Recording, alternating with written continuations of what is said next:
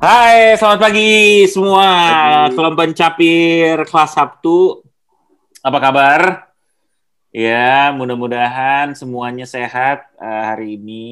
Uh, kalau ini episodenya harusnya muncul di hari Sabtu ya, dan dan hari Sabtu ini kita harus uh, just apa namanya kayaknya kelas Sabtu ingin remind lagi teman-teman mengenai health ya kayaknya ya Oh iya. Kesehatan penting banget. ah, betul, betul. penting banget nih karena beberapa tadi sebelum ketika rehearsal dari acara ini ya, ketika kita melakukan pre-meeting dari acara ini eh, apa namanya eh, ada beberapa yang mungkin yang close closer eh, apa namanya kontak dari kita yang yang yang jadinya yang mungkin udah mulai mulai terpapar nih Hmm. sama COVID gitu. Jadi eh, teman-teman sila siap selalu siap eh, sehat dan barokah lah dalam menjaga eh, Jaga jarak. kesehatan, eh, jaga jarak, minum Pakai Masker. masker, pakai masker itu segalanya Pakai banget ya.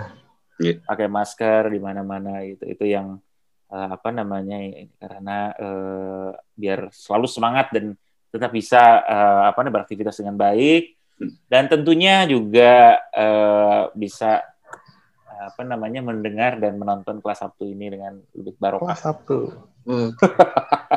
Oh, Karena kelas Sabtu ya. selalu menarik. Karena Selalu kelas Sabtu menarik. selalu menarik. Oke, dan hari ini ya benar banget lah kita akan ngobrol sesuatu yang sangat menarik. Sangat Topik menarik lainnya. Topik menarik lainnya.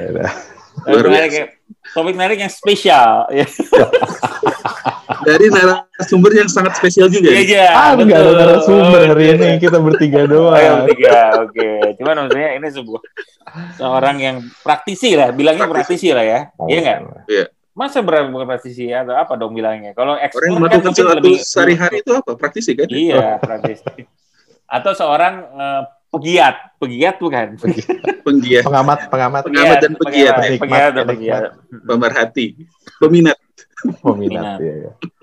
So, eh, hari ini kita akan ngobrol sesuatu yang eh, sangat menarik ya. Itu adalah sekali lagi kita akan belajar eh, mengenai untuk lebih lebih detail nih ya. Soalnya sebelumnya kan kita pernah ngobrol nih mengenai big picture-nya investasi. Hmm. Ya, nah sekarang kita pengen ada semacam follow up-nya lah ya, gitu dengan lebih detail lagi. Apa aja sih kita mungkin yang bisa kita lakukan sebagai pemula, eh, ngapain aja, harus sudah gitu, eh, mungkin area-area yang mungkin kita bisa mulai. Kalau teman-teman belum mulai ya, kalau mulai ya mungkin bisa share komen juga di sini nih, ya apa yang udah pernah lo lakukan dan kayaknya ya apa yang seru, gitu. Nah kita kita kita bisa mulai uh, dulu nih uh, misalnya sama Raki nih ya Ki Uh, apa namanya gimana nih Ki apa yang lu lakukan apa yang lu lakukan uh, biasanya ya uh, untuk untuk uh, memulai hari lu sebagai seorang investor Investor. Apakah lu dengan membuka koran beberapa koran, membaca gitu ya? Uh, membaca koran gimana Baca gosip. Tajuk Buka. rencana lu baca Buka ini, buka akun Instagramnya Yusuf Mansur. Yusuf Mansur. Berarti oh, Selalu ada hints ya. benar Itu benar ada hints loh, Bin. Betul, Mansur, apa sih istilahnya Mansurlogi atau apa Iya itu? iya benar benar benar. Karena kemarin tuh apa juga ya move-nya satu ya yang jadi jadi ini juga ada kemarin tuh Ah, iya, uh, benar. Ustadz Yusuf Mansur itu invest di mana Hmm. terus dia dapat ini juga nih eh, dari dari ini part yang baru itu. Ada beberapa orang yang jadi tenar sekarang gara-gara ngomongin saham lah.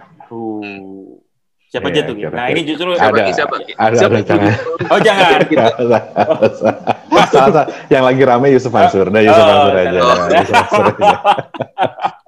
Gue kira ini dalam apa positif maksudnya. Ya, follow biar kita tahu informasi soal saham. Gitu. Iya. Enggak, jadi ada juga yang ini, ada juga yang apa namanya hati-hati, emang harus hati-hati sih yang ngomongin saham tuh ada ada orang-orang sekarang yang juga jadi tren tuh yang karena gini apa namanya trend maker ini kadang-kadang ya Hmm. eh, ada yang ada yang memang mungkin positif gitu ya mungkin benar karena dia baca tren baca apa gitu Iya. ada yang juga yang punya niat yang juga mungkin tidak baik karena pada saat dia ngomongin suatu oh beli saham A gitu beli saham B Hmm. nah uh, tujuannya dia mungkin biar istilahnya ngepom-pom kalau orang saham. Jadi ngebuat sisa harga saham naik, nanti udah sesuai sampai titik yang dia mau, terus dia buang, ya, terus sahamnya turun gitu. Ada juga yang yang niatan-niatannya juga nggak nggak pas lah gitu. Ya. Dan memang apa namanya kalau kita cuman main saham pakai isu tuh jadinya nggak nggak liar ya liar banget bos. Karena lu nggak tahu kan. Naik turun naik turun tuh gila-gilaan banget. Bagus juga tuh ya eh, istilahnya ya ngepom pom ya. Ngepom pom pom pom iya. seperti influencer Instagram ya kalau gitu? Hmm. eh kayak gitu bos. Hmm. dan sekarang kalau dulu Iya, kalau dulu sebenarnya bukan market maker juga, dia mencoba trying so hard Coba, lah trying. ya, trying. So hard. Kalau dulu kan banyak eh, berita-berita yang misalkan nunjukin si uh, PT ini dia akan melakukan berencana melakukan investasi begini begini begini begini. Nah, itu juga salah satunya pom pom sebenarnya. Yeah. Karena lo tau gak sih masukin apa bikin berita di koran kan sebenarnya bisa lo bayar ya, maksud gue. Yeah. Oh, okay, yeah, yeah. Uh, dan itu kadang-kadang informasi atau berita itu keluarnya bukan dari si perusahaan loh. Kadang-kadang oh. dari dari orang lain aja bandar gitu. saham misalnya. Orang-orang yang memegang saham tersebut ya. iya. Atau apalah orang gitu. Yang berkepentingan terhadap saham. berkepentingan terhadap saham tersebut. Jadi Agar memang harus betul. Jadi memang harus hati-hati ngelihat berita, ngelihat gosip, hmm. ngelihat termasuk ngelihat influencer saham ya. Ngomongnya hmm. apa tuh juga harus hati-hati nggak boleh lo dengerin isu dan lo naik gitu. Eh lo ikutan riding, mencoba riding the wave kan, kan sekarang nih orang-orang ada yang memang lakukan analisis dan yeah. yang ngambil keputusan, tapi ada yang riding the wave kan, hmm. gitu. Nah kalau kalau lo mau jadi rider juga lo harus hati-hati banget lah gitu. Hmm. Tapi kalau bisa kan daripada lo jadi rider ikut-ikutan doang ya lo kalau hmm. bisa lo jadi analisnya gitu hmm. yang pelajari lo jadi lo pada saat lo masuk kalaupun sampai turun ya ya udah lo salah analisis gitu bukan gara-gara lo salah denger gosip kan lebih gak enak lagi oh ini salah satu part yang paling pertama nih jadi isu gue, iya. itu nggak nggak selalu ini ya hati-hati ya harus hati-hati kita pilah-pilih juga ya pilah-pilih pilah-pilih apa nih Ki lo yang biasanya lo yang lo biasanya lihat untuk melakukan analisis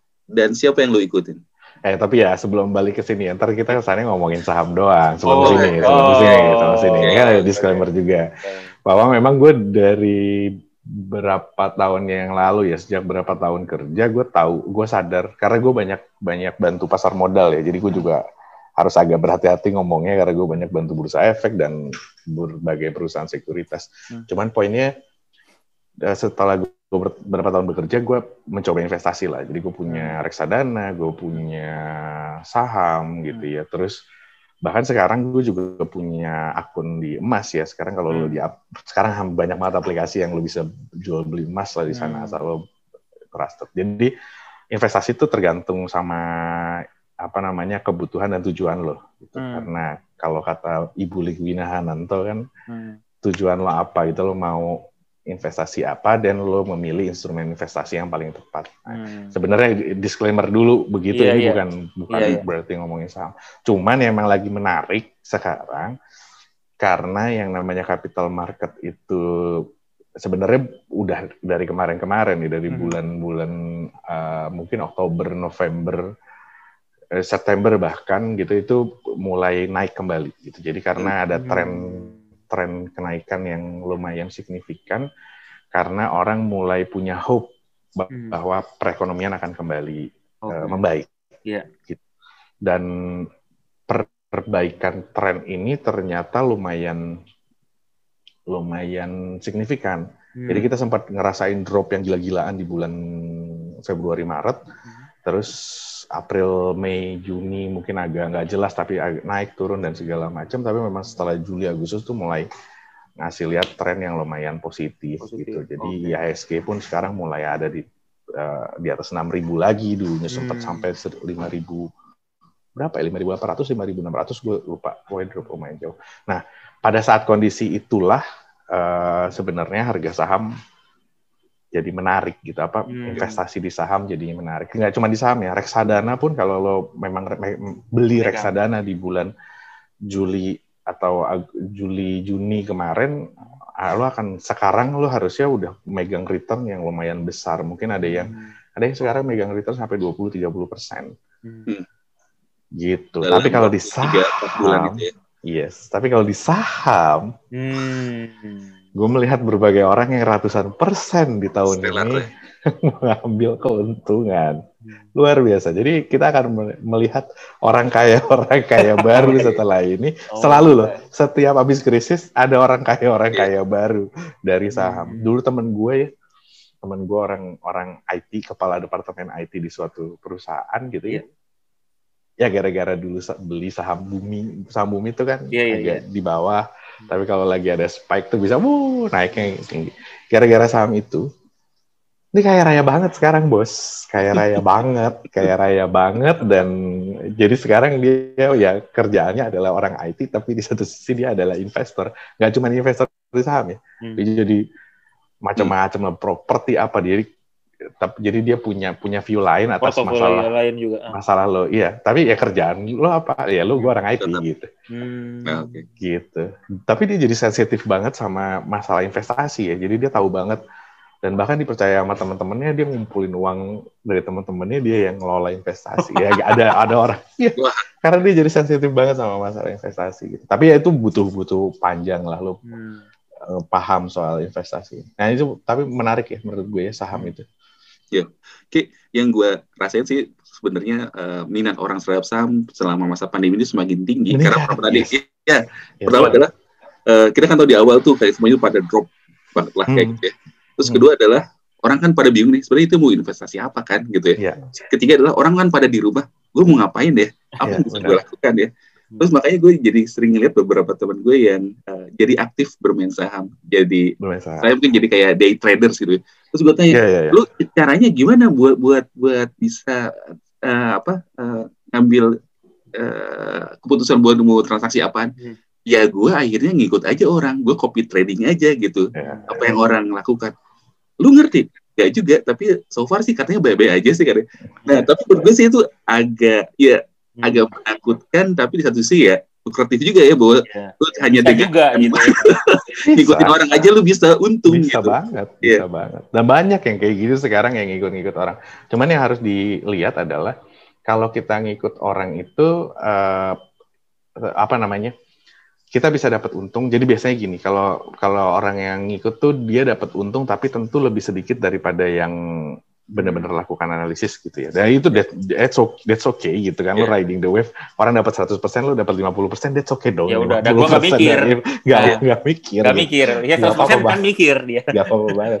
Cuman yang jadi ngeri adalah kalau misalkan kan yang namanya jual beli saham nggak cuma untung ya, ada ruginya Betul. juga. Betul. Pada saat orang lain rugi misalkan 20%, mungkin Iya. lo ruginya bisa 30-40% atau lebih. Iya. Karena eh, apa namanya kadang lo nggak tahu kapan harus keluar gitu. Hmm. Itu kan ngerinya sahamnya. Jadi saham tuh entry dan exit juga jadi penting. Sebenarnya reksadana juga, tapi reksadana gerakannya nggak nggak terlalu menukik kayak saham. Hmm. reksadana juga lo harus tahu kapan lo entry, kapan lo exit sebenarnya gitu. Iya.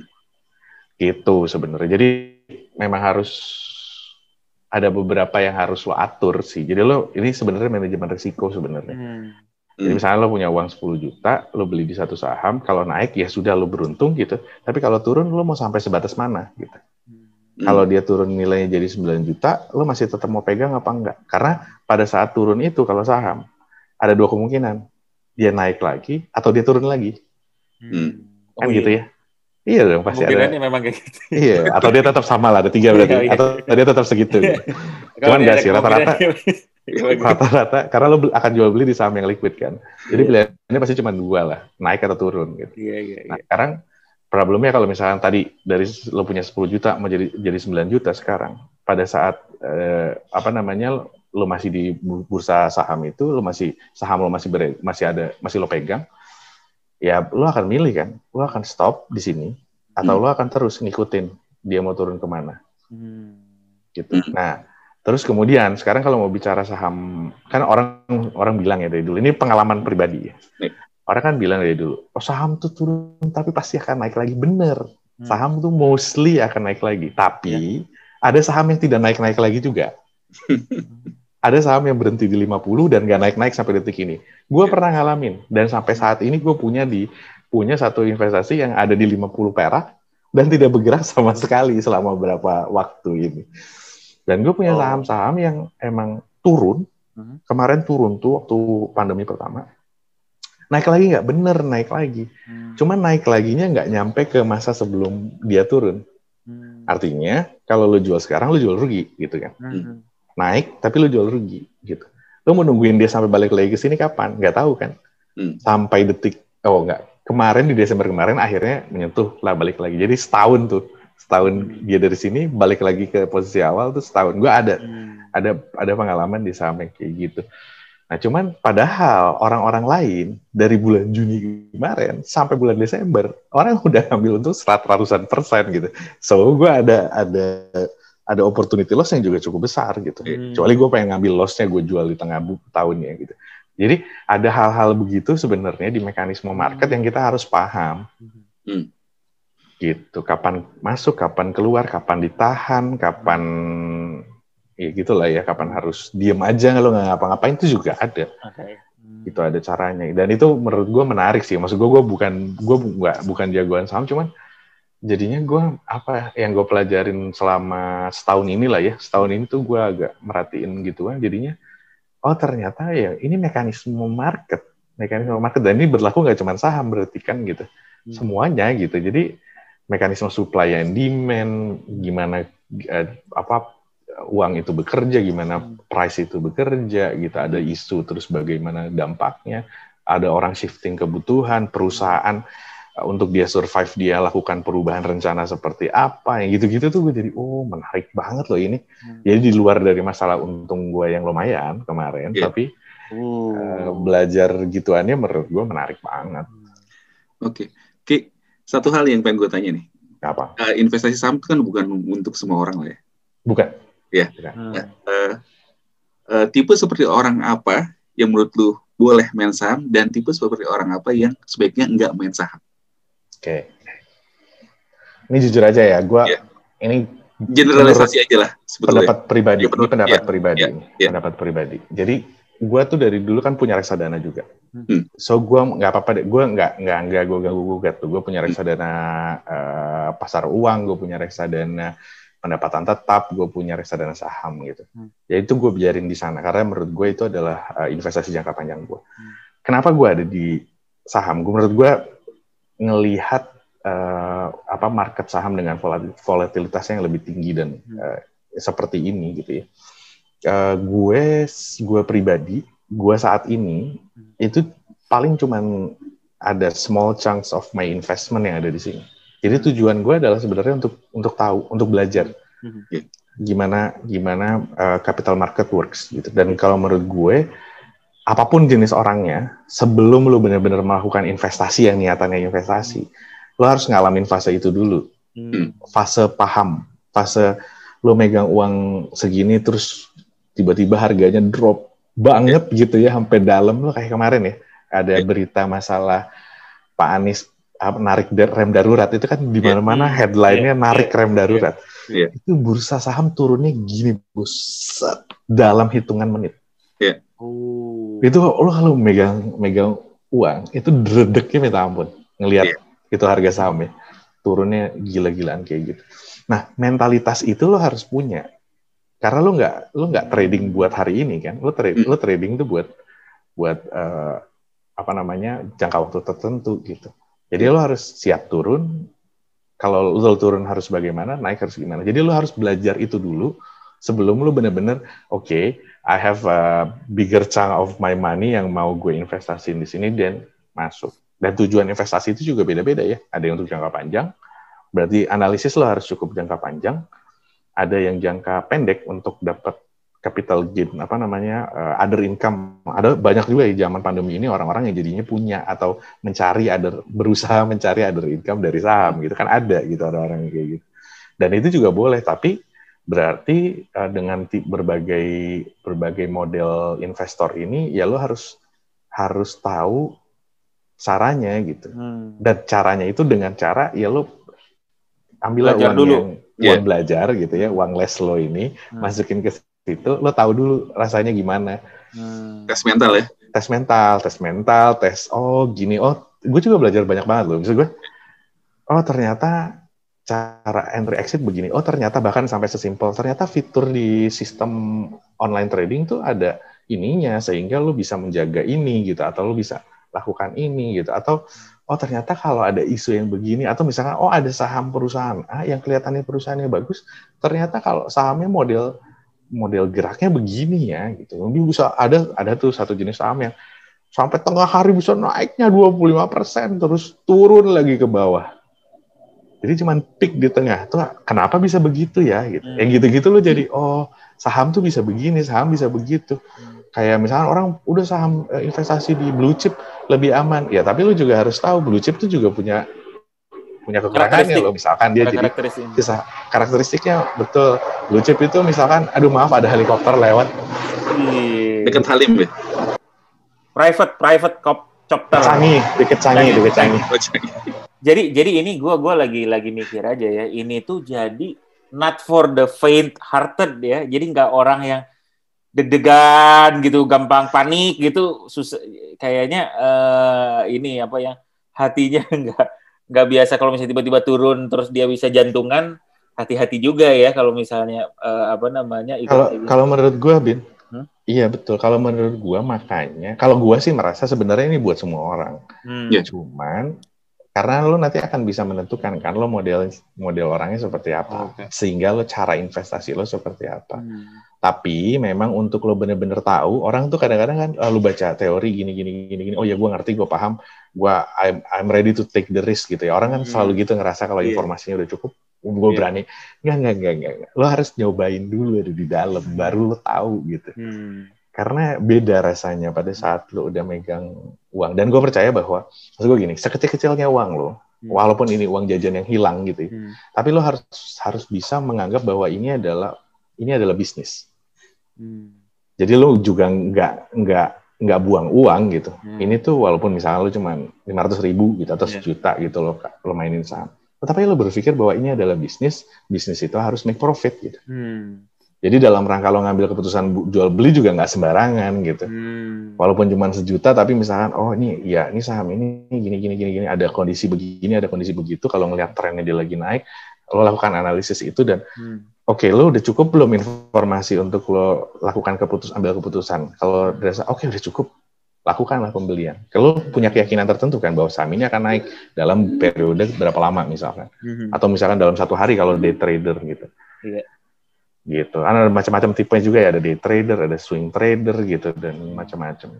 Nah itu menurut gue penting dan menarik ya, karena menurut gue semua orang harus semua orang ya, literally semua orang harus harus paham how how market works menurut gue. Hmm. Gitu gitu. Oke. Okay. Apalagi apalagi entrepreneur. Menurut gue jadi entrepreneur tuh kayaknya wajib banget hmm. ya ada di market karena membantu Karena juga ya untuk ngerti ya, oh ini marketnya lagi iya. siapa yang punya duit apa iya. gitu. Oke, iya. membantu. In a way gue jadinya lumayan ngerti kayak misalkan, oh ternyata harga nikel dunia lagi naik gila-gilaan karena ada isu mobil listrik dan baterai itu dari nikel gitu kan. Hmm. Sehingga harga nikel dunia lagi naik gila-gilaan harga batu bara sampai Januari tahun uh, bulan depan itu akan naik. Kenapa? Karena memang uh, industri udah mulai gerak di Cina. Jadi pembelian dari Cina gede-gede. Hal-hal gitu kan kagak gue lihat sebelum gue main harga market ya. Atau misalkan masalah si perbankan, ekosistem perbankan, seenggaknya gue juga ngeliatin gitu bahwa oh, ada bank yang gini, ada bank yang gitu, ada uh, merger uh, bank syariah seluruh Indonesia, eh bank syariah BUMN sekarang jadi bank bank syariah Indonesia ya nantinya ya di bawahnya BRI itu pengaruhnya ke harga saham BRI Syariah juga luar biasa naik. Jadi yang dikasih hints oleh itu ya? Siapa? Kalau yang di follow. Yang di follow. Yang di follow. Oh, enggak juga, tapi memang maksudnya memang gini, itu kalau yang kalau BRI Syariah sih itu yang orang ngomong tuh banyaknya udah banyak banget yang ngomong gitu udah banyak banget yang ngomong. Jadi nggak cuma dia, dia juga salah satunya lah gitu. Mungkin si Pak Mansur. Tapi gue nggak nggak gara-gara Yusuf Pastor gue tuh cuma ini doang aja. Kadang-kadang nggak nggak semuanya juga benar ya. Kadang-kadang apa yang diomongin juga salah karena gini. Kan lo ada faktor analisis tuh ada faktor misalnya lo analisis perusahaan, oh dia mau lakukan uh, investasi A sehingga dia ada potensi nih saham naik misalkan, lo dapat informasi itu. Tapi jangan lupa juga ada market ada ada apa namanya foreign foreign investor loh gitu yang Yeah. mungkin nggak peduli sama itu lebih peduli sama misalkan kayak kemarin ada varian baru covid di Inggris dia lebih ketakutan sama itu daripada si perusahaan mau investasi apa gitu Hmm. jadi dia tetap aja jual gitu kayak kayak kondisi hari Rabu kemarin tuh hari Selasa Rabu kemarin itu market negatif Ya. kenapa karena alasannya cuma satu karena ada varian baru covid di Inggris Hmm. Jadi lo mau ada berita baik apa pun di Indonesia tetap negatif. Hmm. gitu kan ada yang gitu-gitu ya yang Iya. lu nggak bisa kontrol gitu. Atau misalkan nanti ada menteri korupsi bisa jadi ada pengaruhnya gitu. Ada menteri baru kemarin naik gitu ada dua orang menteri yang punya sebagai founder salah satu perusahaan yang listed gitu. Ya naik sahamnya gitu gara-gara itu. Ya gitu gitulah ada ada faktor-faktor yang gitunya. Tapi makanya kalau kita belajar dari zaman kuliah kan kita belajar fundamental analisis dan technical analisis kan. Kita kita udah kenal istilah itu gitu. Nah dulu kan kita selalu berpikir ah technical analisis tuh ah, itu terlalu nebak-nebak gitu. Ada yang Iya. ngomong terlalu ini banget lah gitu. Belajarnya fundamental analisis. Kalau sekarang gue nggak berpikir gitu. Lo harus ngerti fundamental. Jadi lo mau beli milih saham tuh lo juga harus ngerti perusahaannya kayak gimana. Tapi lo harus tahu technical untuk tahu kapan lo exit kapan lo entry. Hmm. Nah, itu yang susah sebenarnya. Itu yang nggak semua orang bisa paham. Hmm. Karena teknikal itu apa manajemen keuangan banget lah. Hmm. Iya. Oke. Oke, gue sebagai orang yang awam, kalau masuk Bohong. ke investasi saham, apa sih yang harus dilakukan? Oh beneran, misalnya kayak gini. Anggaplah, misalkan eh, teman atau istri kita lah gitu. Eh, mau investasi saham dong, apa sih yang harus dilakukan dimulai? Hmm. Gua apakah harus gue buka rekening dulu atau gue langsung daftar ke salah satu sekuritas gitu ya? Hmm. Terus gimana sih first step-nya yang perlu dilakuin? Buka rekening dulu pastinya gitu. Jadi kalau tapi kalau zaman sekarang kan udah udah gampang ya. Kalau dulu kan lo harus datang atau lo harus didatengin sama salesnya gitu. Kalau sekarang tuh lo bisa online. Nah, Hmm. Apa aja sih? Ada- Apa aja? Heeh. Hmm. Apa aja yang mungkin Kira-kira ya nama-namanya yang mungkin yang jamak atau umum dipakai. Oke. sebenarnya ada sekitar 100 perusahaan sekuritas di Indonesia. Gitu ada banyak gitu perusahaan Dan, sekuritas. dan semuanya ini adalah klien ya. Lah. At least. Iya iya iya iya. luar biasa. gue nggak enak kalau gue merekomendasikan salah satu gitu ya. Iya. Cuman intinya sih eh, dan tapi gini perusahaan sekuritas itu kan ada yang memang dia kliennya korporasi, ada yang ada yang retail ya, ada yang Hmm. memang eh, kita bisa apa namanya gunakan sistemnya buat eh, retail o- online Hmm. trading. Nah ada beberapa yang besar sebenarnya yang dia eh, apa namanya besar tuh artinya retailnya besar ya gitu. Iya. Apa banyak banyak pengguna individual atau retailnya. Kayak contohnya Indo Premier Sekuritas tuh namanya iPod, Hmm. ada Mirai Siko- Sekuritas tuh namanya HOTS nama aplikasinya, sistem tradingnya. Hmm. Ada RHB Sekuritas, eh, Mandiri Sekuritas juga ada CIMB Sekuritas dan lain-lain. Jadi ada banyak sebenarnya kalau kita kalau googling aja tuh sebenarnya ada banyak dan Hmm. masing-masing itu kan ada biaya transaksi ya, biaya Hmm. jual dan biaya beli. Rata-rata tapi di bawah satu persen. Jadi lo beli saham, lo jual lagi itu ada kayak komisinya satu persen, ah, 0, sekian persen Hmm. Gitu. Misalkan dari satu juta gitu, Mm-mm. kena berapa tuh? Enggak, ah, kalau lo jual, lo beli saham satu juta, Yes, misalkan. ya beli saham satu juta. Let's say lo kena komisi beli, kalau nggak salah beli yang, beli yang besar, jual yang kecil ya, kalau nggak salah. Hmm. Misalkan lo kena kosong 0,35 persen, berapa tuh? 3.500. 3.500, Iya. 35 ribu. Kalau 3.500 10, kali ya. 10 ah, kalau kalau satu persen itu kan, kalau misalnya uangnya sejuta, satu persennya itu kan sepuluh ribu. 10 ribu. Sepuluh persen itu kan seratus ribu, Iya. satu persen sepuluh ribu. Jadi kalau 0,3 tiga ribu lima ratus. tiga ribu lima Iya, ratus. iya, iya. Ya cukup murah. 3.500 terus kalau lo jual 0,15 persen Hmm. kalau nggak salah gitu gue tapi takut kebalik ya jual belinya tapi Iya, iya. rata-rata tuh 0,4 0,5 persen in total jual beli Bagus juga ya buka perusahaan sekuritas nih. bagus tapi ini Oh. kan sebenarnya lo dapat transaksi transaction fee ya Wan ya modelnya ya Mm-mm, mm-mm. jadi kalau lo nggak yang retailnya gede-gede banget ya susah Hmm. jadi lo emang bener-bener harus high volume high frequency kan Iya iya iya. kalau kayak gini gitu. Nah, yang besar-besar di top frekuensi itu kayak ada tadi gue bilang Indo Premier, Mirai itu mereka biasanya juga ah, di atas atas lah. Hmm. mana yang mesti gue pilih? Maksudnya ap, ap, apa uh, basis Consideration. Hah. considerationnya betul. Hmm. Walaupun lu nggak merekomendasikan spesifik ya. Iya, kita lihatnya apanya misalnya kemudahan kemudahannya, kemudahan untuk ini apa namanya membeli dan menjual atau misalnya ada tips-tipsnya atau misalnya aplikasinya jarang uh, hang gitu atau atau misalnya dia tuh uh, dashboardnya cukup Bagus. memudahkan kita melihat portfolio gitu. Iya. Gitu. Iya. Kalau gue ngelihatnya satu ya kemudahan layanan ya karena ini kan kita bicara Mudah untuk apa Ki? Kemudahan layanan tuh. Mudah Ya, untuk kalau- apa? mudah untuk di mudah untuk di apa mudah untuk dikontak jadi gue cerita gue kan pakai salah satu ya Hmm. jadi waktu gue waktu gue mau buka pertama kali berapa tahun yang lalu Hmm. itu gue coba kontak A coba kontak B gitu.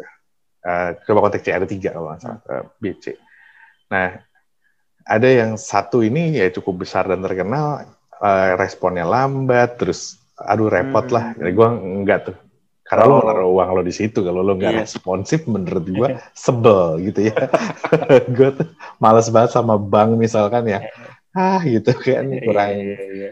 apa call centernya kurang cerdas misalnya atau kurang tuh gue paling kesel lah gitu Hmm. gitu gitu jadi gue tuh milih itu dulu pertama kedua ya lihat sama aja kayak kita mau pakai aplikasi atau apa ya lihat reviewnya sebenarnya lihat yang Hmm. mana yang yang dapat komen positif dan negatif negatifnya tapi nggak ada yang sempurna kan ya pasti ya gitu ada positif ada, minus negatif ya. di masing-masing Gitu. Hmm. jadi sih sebenarnya gitu nah cuman ada beberapa fitur yang cukup penting memang Hmm. dan lo kan nggak ada lo nggak ada biaya pindah-pindah perusahaan sekuritas sih sebenarnya nggak ada masalah ya Hmm. jadi eh, dicobain aja gitu tapi paling bagus adalah kalau misalkan lo punya teman-teman yang memang udah main saham jadi Hmm. lo bisa apa sih anaknya di A apa sih anaknya di B gitu Seperti lu lah ya. Kurang itu.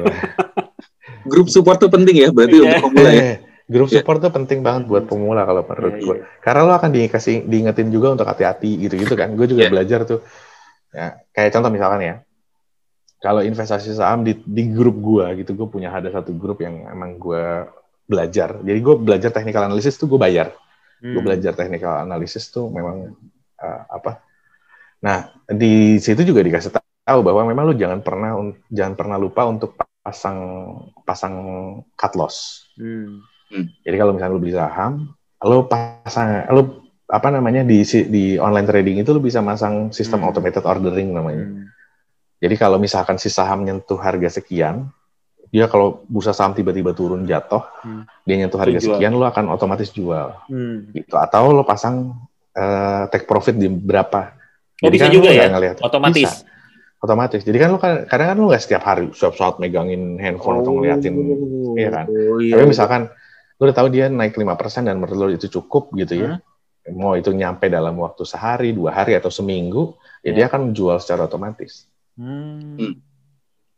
Gitu bisa begitu gitu nah itu itu kan semua harusnya dasar analisis ya lu Iya. gimana caranya bikin cut loss dan take profit kalau lo nggak ngerti ini saham mau naik Hmm. turun segala macam ada atau ada ekspektasi gitu ekspektasi market dan segala macam. jadi itu bisa begitu nah itu yang yang gue pelajarin banget dan dan fitur itu jadi penting kalau lo punya Iya. punya sistem karena minimal fitur cut loss ya karena kalau untung kan lo ekspektasi 5% terus lo buka-buka tiba-tiba 12% kan ya happy, Alhamdulillah, ya. Iya. Hmm.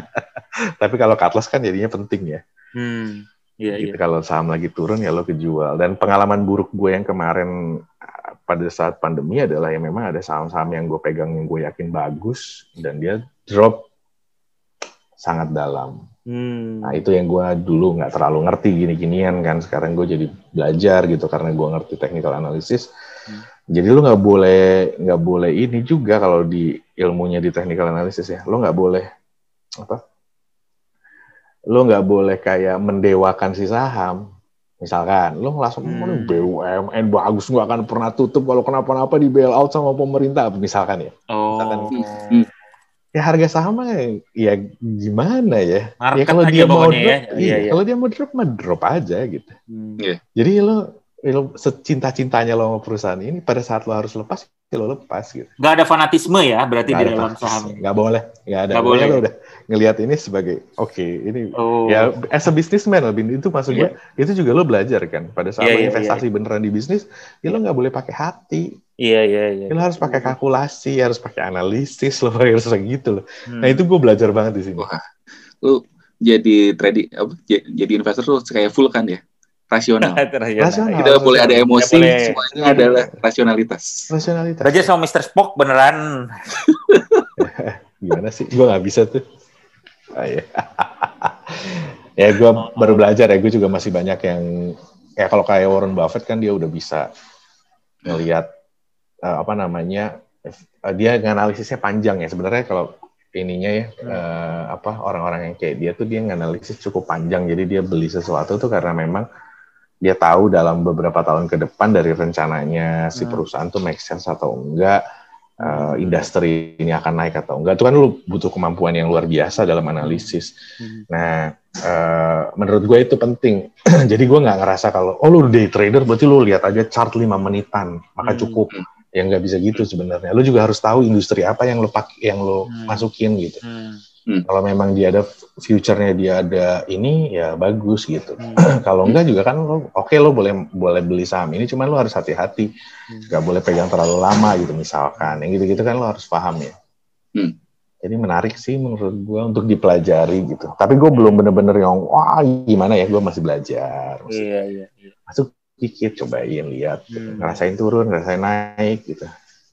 Nah yang gila lagi gue juga mau coba share sedikit ya. Nah, ini Ah, dia. Bang. Ini yang selalu ditunggu sebetulnya. Ya, silakan. Nah, Enggak, enggak, enggak. Ini gue mau ngasih lihat ini aja nih. Ini ini saham-saham pandemi nih. Top gainer saham. Ini dari berita ya, ini bukan Iya, iya, dari pendapat gua, ini dari berita. Saham BRIS itu kalau nggak salah sejak bulan Juli kemarin naiknya gila-gilaan tuh 587 persen, bos. Gila ya. Jadi kalau lu punya uang satu miliar, Hmm. naruh di situ jadi 5 miliar ya, Ki? Yes. 6 mungkin, hampir 6 nih. Hampir 5,8 ya. 6 Miliar. Gila ya. Lo mau bisnis apa kayak gini, bos? Ternyata Dalam pesugihan waktu- itu ada ilmunya ya. Pesugihan itu. Pesugihan. Ini pesugihan ini menurut gue. Dia melipat gandakan atau kayak orang sulap. Iya. Ini mana 100 ribu, cat jadi dua gitu. Cat jadi lima. Nah ini jadi ini. Cukup di BRI Syariah. Nah, Anda dapat sulap. Iya tuh yang gitu-gitu nih lihat aja gila. tuh. Kimia Farma naiknya ini kan karena dia eh, apa masalah dia mau distribusi vaksin dan segala macam ya. Hmm. Iya.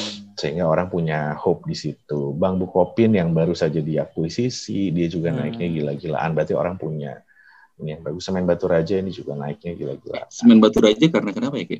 Nah itu gue juga kurang. Ya sebenarnya gini, sektor properti dan construction di kemarin di eh, bulan-bulan Desember kemarin tuh memang naik gila-gilaan. Jadi orang punya hope Hmm. yang tinggi banget di construction karena sebenarnya gini Wan, ada ada hukumnya tuh Wan. Kalau Iya. misalkan lo habis krisis katanya, pada saat krisis tuh sektor pertama yang bagus tuh kayak teknologi pharmaceutical yang gitu-gitu gitu Infrastruktur. itu gitu ya. infra- bukan infrastruktur turun pada saat Turun. pertama kali krisis Oh, keuangan tuh kali. drop Oh. ya, ya. Karena- karena lu nggak ada nggak ada perkembangan kan nggak ada Iya.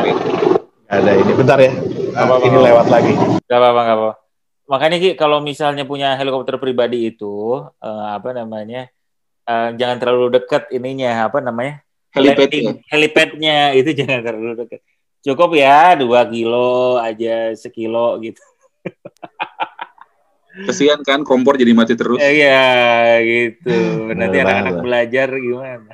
dan after krisis jadi pas lagi titiknya krisis itu tadi teknologi yang kayak kesehatan tuh naik tapi pada Hmm. saat after krisis jadi baru pertama kali melangkah mau mau mau apa naik sedikit itu kayak sektor ini apa namanya eh, mineral Hmm. apa namanya oil and gas itu naik karena orang mulai mulai produksi lagi kan Hmm. Itu naik setelah itu naik properti yang gitu-gitu construction gitu-gitu Wan, yang naik Wan. Hmm. Iya. Gitu. Iya. Jadi ada ada gitunya tuh gerak gitu. Nah, during itu semua juga gue lupa ya ada titik di mana sektor financial yang yang naik. Itu menurut analisis orang lah gitu gue baca di mana. Nah, ini sebenarnya yang Iya. apa namanya menarik. Nah, ini gue juga coba mau Eh, sorry, sorry. ya. Apa? Kalau baik lagi yang tadi, Nah, Hmm. Dari lima ini gitu ya, kalau dilihat yang paling-paling tinggi itu sebetulnya bukan perusahaan yang yang purely bagus secara performansi ya, tapi gara-gara Ya, corporate betul, betul. gara-gara mau Ya. merger lah, gara-gara mau transformasi lah atau mau apa Ya. kali. ya. Ya, Jadi ya, benar. kalau dilihat sebetulnya ya se- selain melakukan technical analysis, tapi ya mengetahui bahwa apa yang bakal terjadi sama si perusahaan tersebut, itu pun yang penting kita buat kita ketahui ya. benar. Sering ya sering dapat informasi dari orang lain mungkin. Makanya kan kalau dibilang yang namanya stock market itu dia lebih cepat dari kondisi nyatanya. Jadi dia menggambarkan ekspektasi kan Iya. bahwa dengan sebenarnya dasarnya juga analisis Wan. Kalau misalkan keempat eh, bank syariah BUMN itu bergabung menjadi satu, maka dia akan punya aset sekian, dia akan begini begini begini sekarang se- begitu gitu dengan punya channel yang seperti apa, dengan punya uh, segala macam yang seperti apa. Sinergi efeknya itu. Hmm. Iya, Iya. Ya, yang itu sebenarnya yang dianalisis dan banyak banyak orang punya ekspektasi yang positif gitu di sana. Iya. Sebenarnya poinnya sih itu ya gitu yang kenapa kenapa ini naik. Jadi sekarang gini, kalau misalkan ada per- beberapa perusahaan merger gitu ya, jadi satu, tapi di, misalkan lah, let's say ya, eh, perusahaan pariwisata di Indonesia Hmm. merger jadi satu, belum tentu efeknya seperti ini Oh. Iya. gitu loh. Jadi ini tuh ada analisis yang dilakukan juga gitu sama banyak pihak termasuk asing ya. Karena uh, market Indonesia ini kan market yang menarik banget buat asing karena dia masih apa namanya market Dinamis yang ya? masih cenderung bukan dinamis ya bin cenderung murah jadi lu bukan Oh. belum saturated marketnya Hmm. potensi naiknya tuh luar biasa Jadi tinggi. Oh, oke. Hmm. Gitu kira-kira. Nah ini yang yang menurut gue menarik. Dan pada saat dan banyak sekarang aplikasi-aplikasi nih kayak contoh gue mau kasih lihat si Hmm.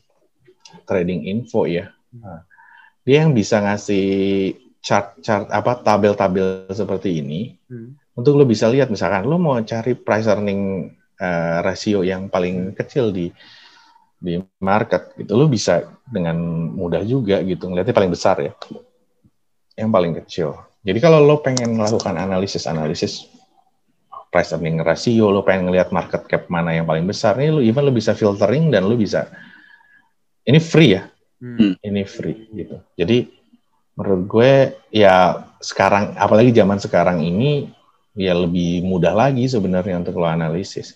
Dan dia juga bisa ngasih chart free seperti ini. Ini chart ini harusnya biasanya berbayar. Nah ini dengan berbagai indikator ya ini kan lo belajar ini MACD, ini stochastic gitu. Terus ini moving average lo ngelihat nih nih ya harganya si Breeze dulu di Berapa tuh? Juli 2020 di 280 Rupiah menjadi menjadi sekarang? 2400 10 kali lipat. sempat naik ya iya 2400 saya Mm-mm. Bayangin orang yang megang di harga 200 ya. Mm-mm. 12 kali dia berarti luar biasa kan. jadi kalau punya uang satu miliar jadi 12 miliar Iya. K ya tapi ya itu ya tetap tetap kan ya, lo tidak bisa ini ya, apa namanya lo ya sebenarnya nggak ada juga yang bisa menganalisis bahwa ini akan menjadi Oh, iya, sekian betul, gitu. betul. Yang lo tahu adalah bahwa ini ada bahwa karena dia punya performa yang seperti ini maka lo punya potensi untuk naik tapi naik ke mana sebenarnya nggak ada yang bisa analisis lo bisa lihat ada ada titik resist dan support lo bisa bisa tahu titik-titik kalau kalau harga tuh mau menembus titik tertentu dia biasanya ada apa namanya ada tekanan-tekanan tertentu yang gitu-gitu ada ilmunya cuman kan ilmu itu hanya untuk analisis gitu Hmm. real tetap aja lo nggak tahu gitu Hmm. gitu kira-kira nah Hmm. jadi menarik sih untuk dipelajari ya menurut Iya, gua iya, ya iya, iya. Menarik banget nih. Ini apa namanya bisa juga jadi eh, apa ya? eh, mungkin kan eh, lu cerita tadi pas awal-awal ketika pandemi ini banyak yang mulai karena orang mungkin ada lebih ada waktu kali ya. lebih ada waktu Lebih ada waktu. Oh, ini tuh apa? Bisa lihat lagi, belajar lagi gitu-gitu di rumah daripada dan nonton. tadi kalau misalkan harganya saham BRIS itu 210 sekarang kan pembelian minimal satu lot satu lot itu 100 lembar saham Hmm. berarti 210 dikali 100 berapa 220 ribu. beli Ya 200 rupiah kali 100, 20 ribu. ya satu lot tuh ya Iya. Hmm. Ya udah segitu harganya waktu lo beli. Hmm. Dua puluh ribu. Heeh. Bener Per nggak sih? lot, per lot. Per lotnya. Iya, iya. iya. Sekarang beli naik satu lot. naik a lot ya. Naik a lot, bener. Naik Allah. 210 kali. Iya. Ya gitulah kira-kira. Menarik, menarik, menarik. Jadi, jadi kalau misalnya gua ini dari lu ya, Kia, pertama lu lihat-lihat aja dulu nih ya ininya apa Hmm. namanya eh, buka rekening dulu, tapi lu lihat-lihat yang eh, apa tanya-tanya sama teman lu, terus udah gitu belajar dulu ya, lu kasih waktu Oh, untuk diri lu belajar iya. dulu. Dengan Dan lo akan sadar tuh pada saat masuk market saham tuh lo akan sadar, oh gue harus tahu ininya ya, gue harus tahu itunya ya. Oh, Jadi lo akan, oh gini. tapi lo harus ya itu belajar how uh, gimana. Ini kan prinsip supply and demand sebenarnya harga Hmm. itu kan ketemu antara supply dan demand. Betul. Jadi kalau harga naik itu berarti demand-nya lebih tinggi daripada supply. Kalau harga Hmm. turun itu berarti supply-nya lebih besar daripada demand gitu. Hmm. Nah, yang gitu-gitu kan lo jadi belajar. Terus Hmm. kenapa sih apa yang bisa menggerakkan supply dan demand gitu. Hmm. Hmm. Jadi di masa pembelajaran itu lu ambillah wisdom wisdom itu ya. Iya. Oh orangnya industri ini tuh gini, Iya. industri ini gini. Oh ini tuh gini. Oh kenapa itu gitu-gitu ya? Itu bisa di Iya, situ apalagi lalu- orang yang orang yang udah kuat di industri tertentu ya, misalkan Iwan kuat di banking, dia pasti ngelihat informasi perbankan juga lebih gampang. Iya. Dia lihat Oh. daftar nama bank juga dia tahu bank ini gini, bank itu. Oh iya iya. Jadi pada saat dia investasi juga dia ya pasti pasti paham lah gitu. Hmm. Eh, apa sih yang ngebuat bank itu jadi punya potensi Hmm. bagus gitu atau bank itu punya bank itu nggak bohong mulu nih pas ntar Iya. suatu saat ada kasus apa penggelapan apa nanti gitu gua nggak mau bank Hmm. ini gitu yang gitu-gitu kan juga Iya, penting iya, ya. iya. Betul. governance Hmm. Jadi itu udah selesai, terserah, udah belajar. Nah, baru deh kalau misalnya lu belajar baru cuan habis ngerti, itu baru lu masukin sedikit-sedikit ya Ki ya. baru cuan iya Sedikit, duitnya cuan. Cuan is life. Cuan is life. itulah Oke, ini kayaknya menarik banget ya. Eh, sekali Selalu lagi menarik. seperti- selalu menarik ya. Selalu seperti, menarik. eh, slogan ya dari. jadi yang belum ikut-ikutan Nah. coba lihat-lihat atau minimal menurut gua reksadana sih reksadana Hmm.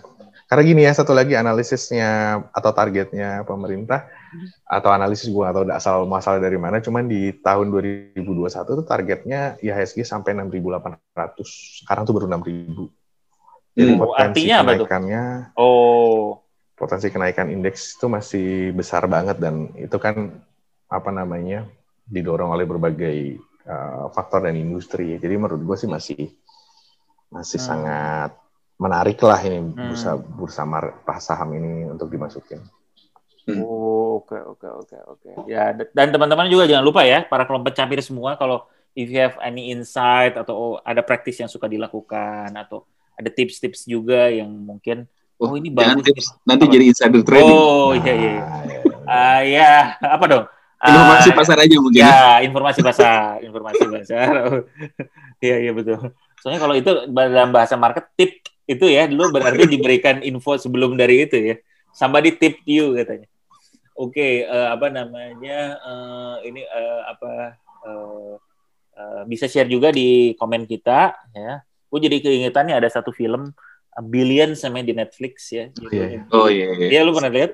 Belum pernah nonton cuma tahu aja. ya. film Jadi itu mengenai itu trader juga. Oh, gitu. Ha, dan dia jadi gede banget. Cuman ya dengan segala macam lika-likunya lah ya. Laki-liku laki-laki. Laki-laki laki-laki dan gara-garanya gitu. Oke, eh kelompok capir semua, thank you so much ya. Eh, dan kita akan ketemu lagi di Sabtu berikutnya.